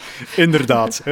als wij vandaag de dag als eh, niet-Engelstaligen naar Engelstalige films kijken, wel, wij als Belgen, wij doen dat met ondertitels, omdat wij zoiets hebben van, ja, we gaan toch niet naar, Nee. naar een soort dub luisteren die dan, en de mond klopt niet volledig. hè, dat, eh, voor ons En zelfs aan. Engelse ondertiteling kijk, bekijk ik vaak. Ik ga nog niet zeggen, inderdaad, ondertitels om mensen beter te begrijpen, want dat is waarom dat ik ondertitels gebruik. Inderdaad, eh, dat is, daar voorspel ik nog niet de dood van. Maar dus het Kijken naar een vertalen andere- naar andere talen van Engelstalige media, dat zie ik in de komende vijf jaren heel sterk veranderen. Dus jij denkt dat de Harry Potter films... Oké, dat is eigenlijk een slecht voorbeeld, want die zijn al gedubt. Ehm, maar dat die In de realistisch toekomst gedubt zullen zijn. zal je kunnen kijken naar Harry Potter in het Nederlands met de stem van Daniel Radcliffe. En dan ook nog eens met perfecte mondarticulatie dat hem gewoon in het Nederlands aan het praten is. Dat is eigenlijk mijn concrete voorspelling. In plaats van dat we, zoals dat we nu films dubben, eh, met een Franstalige acteur bijvoorbeeld, die dan praat en dan wordt er gewoon overgeplakt en dat de lipbewegingen niet Ah, overeenkomen met wat er wordt gezegd. Daar geven we niet om. Eh, dat is absoluut verschrikkelijk. Dat systeem gaat volgens mij razendsnel plaatsmaken voor een systeem die enerzijds gebruik maakt van stemcloning en anderzijds gebruik maakt van rip, lip resyncing om eigenlijk gewoon meertalige films te gaan maken in de originele stem, maar dan Oké. Ik vind het een goeie. En realistisch. Kijk. Hoe, hoe lang? Wanneer? vijf jaar. Vijf jaar. Alright, David. Merci voor de voorspelling. En dan gaan we over naar onze tooltip. Oké, Daphne, je weet hoe laat het is. Het is Tooltip-tijd. Blijft toch leuk om te Ja, zingen, hè? de- ga- Allee. gaan we de rest niet ook zingen? Dat is dan de vraag. Ja, de vraag is of we nog gaan moeten zingen. Oeh. Want de tooltip die ik vandaag bij heb is Suno AI. We hebben het al vaak gehad over muziekgeneratie en ja, laat ons eerlijk zijn, hoe brak dat dat meestal nog is.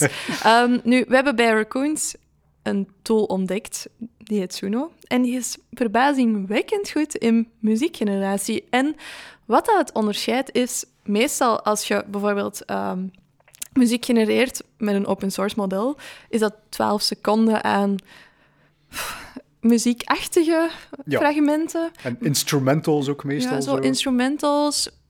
Oké, maar nog niet wat we willen. Suno genereert echt volledige liedjes met teksten. Dus je geeft een onderwerp, bijvoorbeeld watercooler show-off. Mhm. En die gaat dan een hele tekst, dus lyrics, gaan ehm, genereren. Op basis van die lyrics gaat hij kijken welk ritme hebben we nodig om dat goed te laten klinken. Ik leg het nu heel plat uit. Er zit ongelofelijke technologie achter. Die gaat dan ja, audio, ah, of ja, instrumentale muziek erachter zetten en een stem genereren die die lyrics ook effectief zingt. En dat vond ik echt wel zot. Ja. Ehm, zingende stemmen, dat had ik ervoor nog niet gezien in een tool. Ja, inderdaad. Dat, dat is zo nog een grote moeilijkheid geweest. Ik denk ook bij het AI-project Ja. die we hebben gedaan. was dat de Sam, grote uitdaging. Sam? Goris, hè? Ja. Ja, inderdaad. Ehm, het, zijn, ja, het zijn wel geen bekende stemmen of zo. Het, zijn, allee, het is niet dat je kunt zeggen in de stem van Beyoncé of, of, Mhm. eh, een, of Taylor Swift of zo. Maar het, zijn- het klinkt al best goed. Als je de lyrics kent, dan hoort je het. Ja. Maar soms is het wel moeilijk om te verstaan ehm, als je de lyrics nog niet kent. Dus ik geef toe, het is nog niet perfect. Maar het is wel een goed begin, eh, vind ik zelf. En we hebben het ook al gebruikt in een project. Ik ging nog vragen van, Ja. zijn er, zijn er al, ziet je er al use cases in? Ja, Daphne? we hebben een eh, AI-generated podcast gemaakt voor de juristen. eh, op basis van hun boek. Als je er naar wilt luisteren, eh, ik zal het in de show notes ook zetten. En daar hebben we de jingle eh, via Suno gegenereerd. Maar ik zie ook andere toepassingen. Hè. Ehm, hoe vaak dat ik al heb moeten zoeken naar niet-copyrighted muziek voor een filmpje op, op sociale media te zetten. Als je een account hebt op Suno, kun je genereren wat je wilt. En kun je dat gewoon gebruiken voor je commerciële projecten ook. Eh, wat best wel ja, een voordeel is, vind ik zelf. Als dat alleen nog maar beter gaat worden, ja, dan gaan we zo die standaard generieke jingles niet meer gaan... Ja, misschien is dat ook erg voor de mensen die die dingen maken. Uh, maar dan gaan we niet meer moeten gaan kopen of gratis ergens in de krochten van het internet zoeken. Ik, ik ga je eens vragen om een glazen bol, Daphne. Hoe lang tot we op Spotify een volledig AI-gegenereerde playlist gaan kunnen aanklikken? Dat bestaat al. Met, met AI-gegenereerde muziek? Of gekozen door AI? Nee, nee, nee. Uh, AI-gegenereerde muziek, maar van een andere tool. Ik kom niet op de naam. Ik ga het wel taggen in de show notes als okay, ik er terug op okay. kom. Maar we hebben die ooit al eens besproken in het begin van uh, Radio Raccoons. Of ja, dat ik bij Radio Raccoons zat. Hmm. Dus het bestaat al. Oh, dat had ook zo'n uh, zo'n funky naam. Ja, ik kom er niet op. Maakt ook niet uit, maar het bestaat al. Oh. Wel zonder zang, denk ik. Dus gewoon zo... Wel, hoe lang tot dit naar Spotify komt, Daphne? Het zou me niet verbazen als het er al is. ja, ik denk gisteren. Gisteren, oké. Okay. Alright. Uh, nee, dat was mijn tooltip. En dan, om jullie te bewijzen wat de kracht van uh, Suno is, hebben wij onze ja, usual jingle voor het overgangsstukje even veranderd naar een uh, jingle van Suno. Geniet ervan.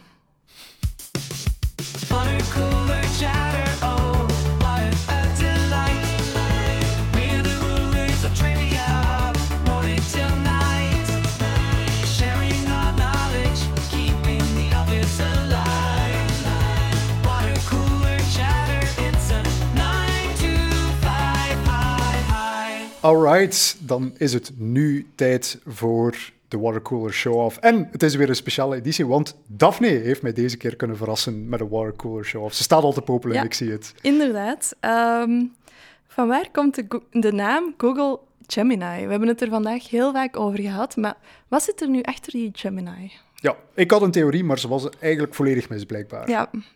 Wilt je ze nog delen dan? Ja, ik wil niet weer terug de ruimte ingaan, maar volgens mij dacht ik, ik dacht van, kijk, het is het tweede grote raketprogramma ook geweest van de NASA, uh, vlak voor de Apollo-raket. Dus ik dacht van, oh, ze zijn misschien aan het opbouwen naar een Apollo-model nee. als, als de grote showstopper, maar nee. Ik denk dat je, je brein een beetje te veel in space zit. Dat is goed mogelijk, ja. Uh, nee, het was, het was niet dat, het is een goede gok wel. Uh, maar het is iets helemaal anders eigenlijk, want...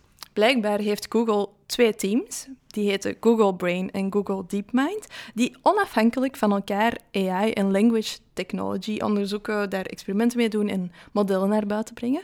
Um, dus dat waren eigenlijk twee departementen die basically hetzelfde deden. Tweelingen. Dus, we hebben ze gezegd, het is redelijk nutteloos dat we eigenlijk onze krachten niet bundelen. En dat hebben ze dus ook gedaan. Vandaar hebben ze een gebundelde strategie nu en zijn de tweelingen samengekomen. En ja, voor de mensen die het nog niet wisten, Gemini bete betekent tweeling. Dus vandaar. Oké. Okay. Ik vind mijn theorie nog altijd beter, maar goed. Okay. Uh... Ja, kijk, die van Google die hadden geen uh, originele uh, nu, namen. Dus, als blijkt dat hun volgende grote generatie taalmodellen Apollo heten, dan, dan gaat je mij hier zien oh. ronddraven en hoogmoedig zijn. Ik hoop, Hou je maar vast. Ik hoop echt dat die niet... Die gaan luisteren naar deze podcast en die gaan denken, we gaan Daphne in het zak zetten en ons volgende Apollo noemen terwijl het er niks mee te maken heeft. Um, maar nee, bij deze de Watercolor Show kunt je weer, als er iemand over Google Gemini ja, interessant doen en zeggen, wist je al dat? Dat is het doel. Kijk. Alright, het is echt een super lange aflevering geworden. Vinden jullie dat eigenlijk leuk? Vraag ik me af. Uh, geef ons feedback. Wilt je liever Ja, als, korter, als je langer? zoiets hebt van mijn autorit is exact 40 minuten lang, Ja. beperk jullie alsjeblieft, want dit, dit begint eh, de spuigaten uit Ja. te lopen. Misschien moet ik eens een polletje doen op onze Insta-stories of zo. Ehm, nog even reclame misschien. Volg ons op Instagram, zodat je op onze poll kunt eh, stemmen. Radio.raccoons. Ehm, en ja, de usuals. Like, share, comment. eh, post erover op sociale media. Als Radio Raccoons uw favoriete podcast is. En dan zien wij jullie sowieso over twee weken terug.